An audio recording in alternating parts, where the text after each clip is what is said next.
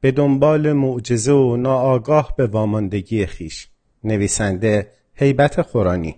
تهیه شده توسط مجموعه تریبون. هوشیاری و آگاهی تاریخی حکم می کند که به دو قطبی کردن جامعه ایرانی دامن نزنیم. بر احساسات غلیان کرده نسلی نفت نریزیم. بر اندیشه ورزان است که به تجربه های تاریخی بزرگ اما ناتمام و راز ناکامی نهزت های 110 ساله سپری شده عطف انان کنند. سپردن مهار سرنوشت به مشتهای گره کرده توده های تحریک پذیر و فاقد آگاهی خطاست. از مرداد 1332 تا کنون توده ها تعیین کننده بودند.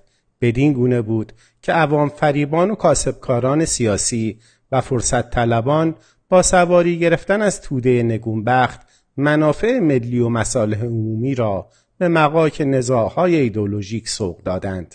مشروطیت، ملی کردن نفت و انقلاب 57 از این دسته به زنگاه های تاریخی و درس آموزند. از پس این تجارب تاریخی هنگام آن رسیده است که در ناکامی این سرویداد تاریخی و پرهزینه بنگریم. زمانی دراز درنگ آوریم و سری از سر تأمل به قفا برگردانیم که چرا از سرمشق هزینه تکرار به سرمشق هزینه فایده نمی کوچیم.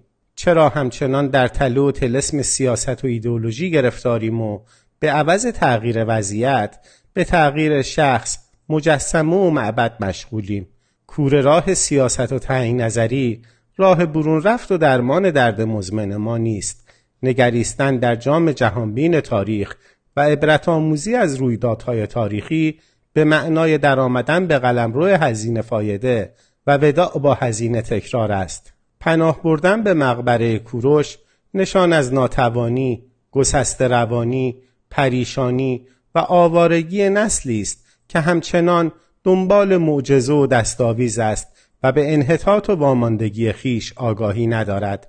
حلقه زدن بر گرد معبد و دخیل بستن بدان تنز تلخ تاریخ معاصر ماست.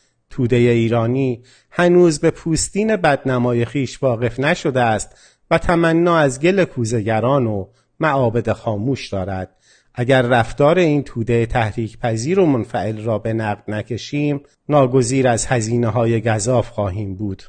تنها معبدی که شایسته دخیل بستن و گرد آمدن است همانا منافع ملی است و بس. هر جنبشی که منافع ملی و مصالح جمعی تز کانونی و دغدغه بنیادین آن نیست بی بنیاد و بی اساس است و به بیراهی تکرار و هزینه منتهی می شود. جنبش های بی التفات به منافع ملی نه تنها به آگاهی ملی و تاریخی ختم نمی شوند بلکه شورشی کور علیه آگاهی ملی و منافع ملی هند.